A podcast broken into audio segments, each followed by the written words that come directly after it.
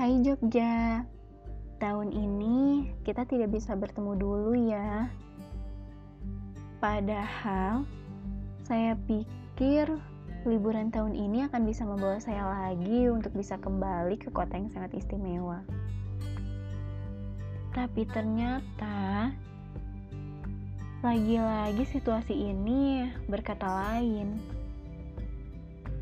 Ya karena masih adanya pandemik ini.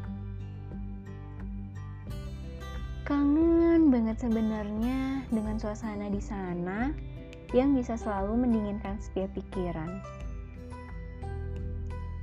Kota kecil yang menyimpan banyak kenangan dan menyimpan setiap cerita di setiap sudut kotanya. Liburan di kota ini menjadi hal yang tidak pernah bosan untuk saya. Dan entah kenapa, kota ini tuh bisa menghipnotis saya dalam sekejap mata dari pertama saya menginjakan kaki di kota ini.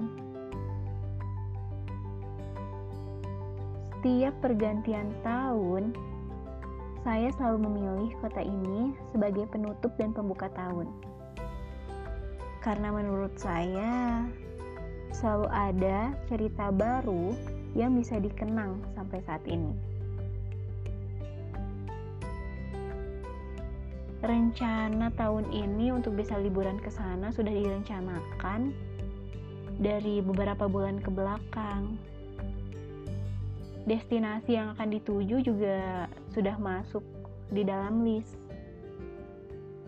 Padahal liburan tahun ini saya berniat untuk bisa datang ke pedalaman-pedalaman di kota Jogja untuk bisa mengenal budaya, adat istiadat, dan kebiasaan-kebiasaan yang menjadi ciri khas di setiap daerah di sana.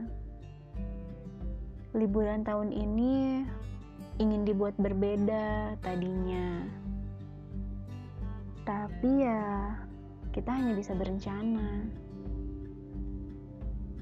Ya, dan lagi-lagi saya berharap agar pandemik ini bisa cepat berlalu supaya semua rencana yang telah dibuat dan rencana yang tertunda bisa segera terlaksana.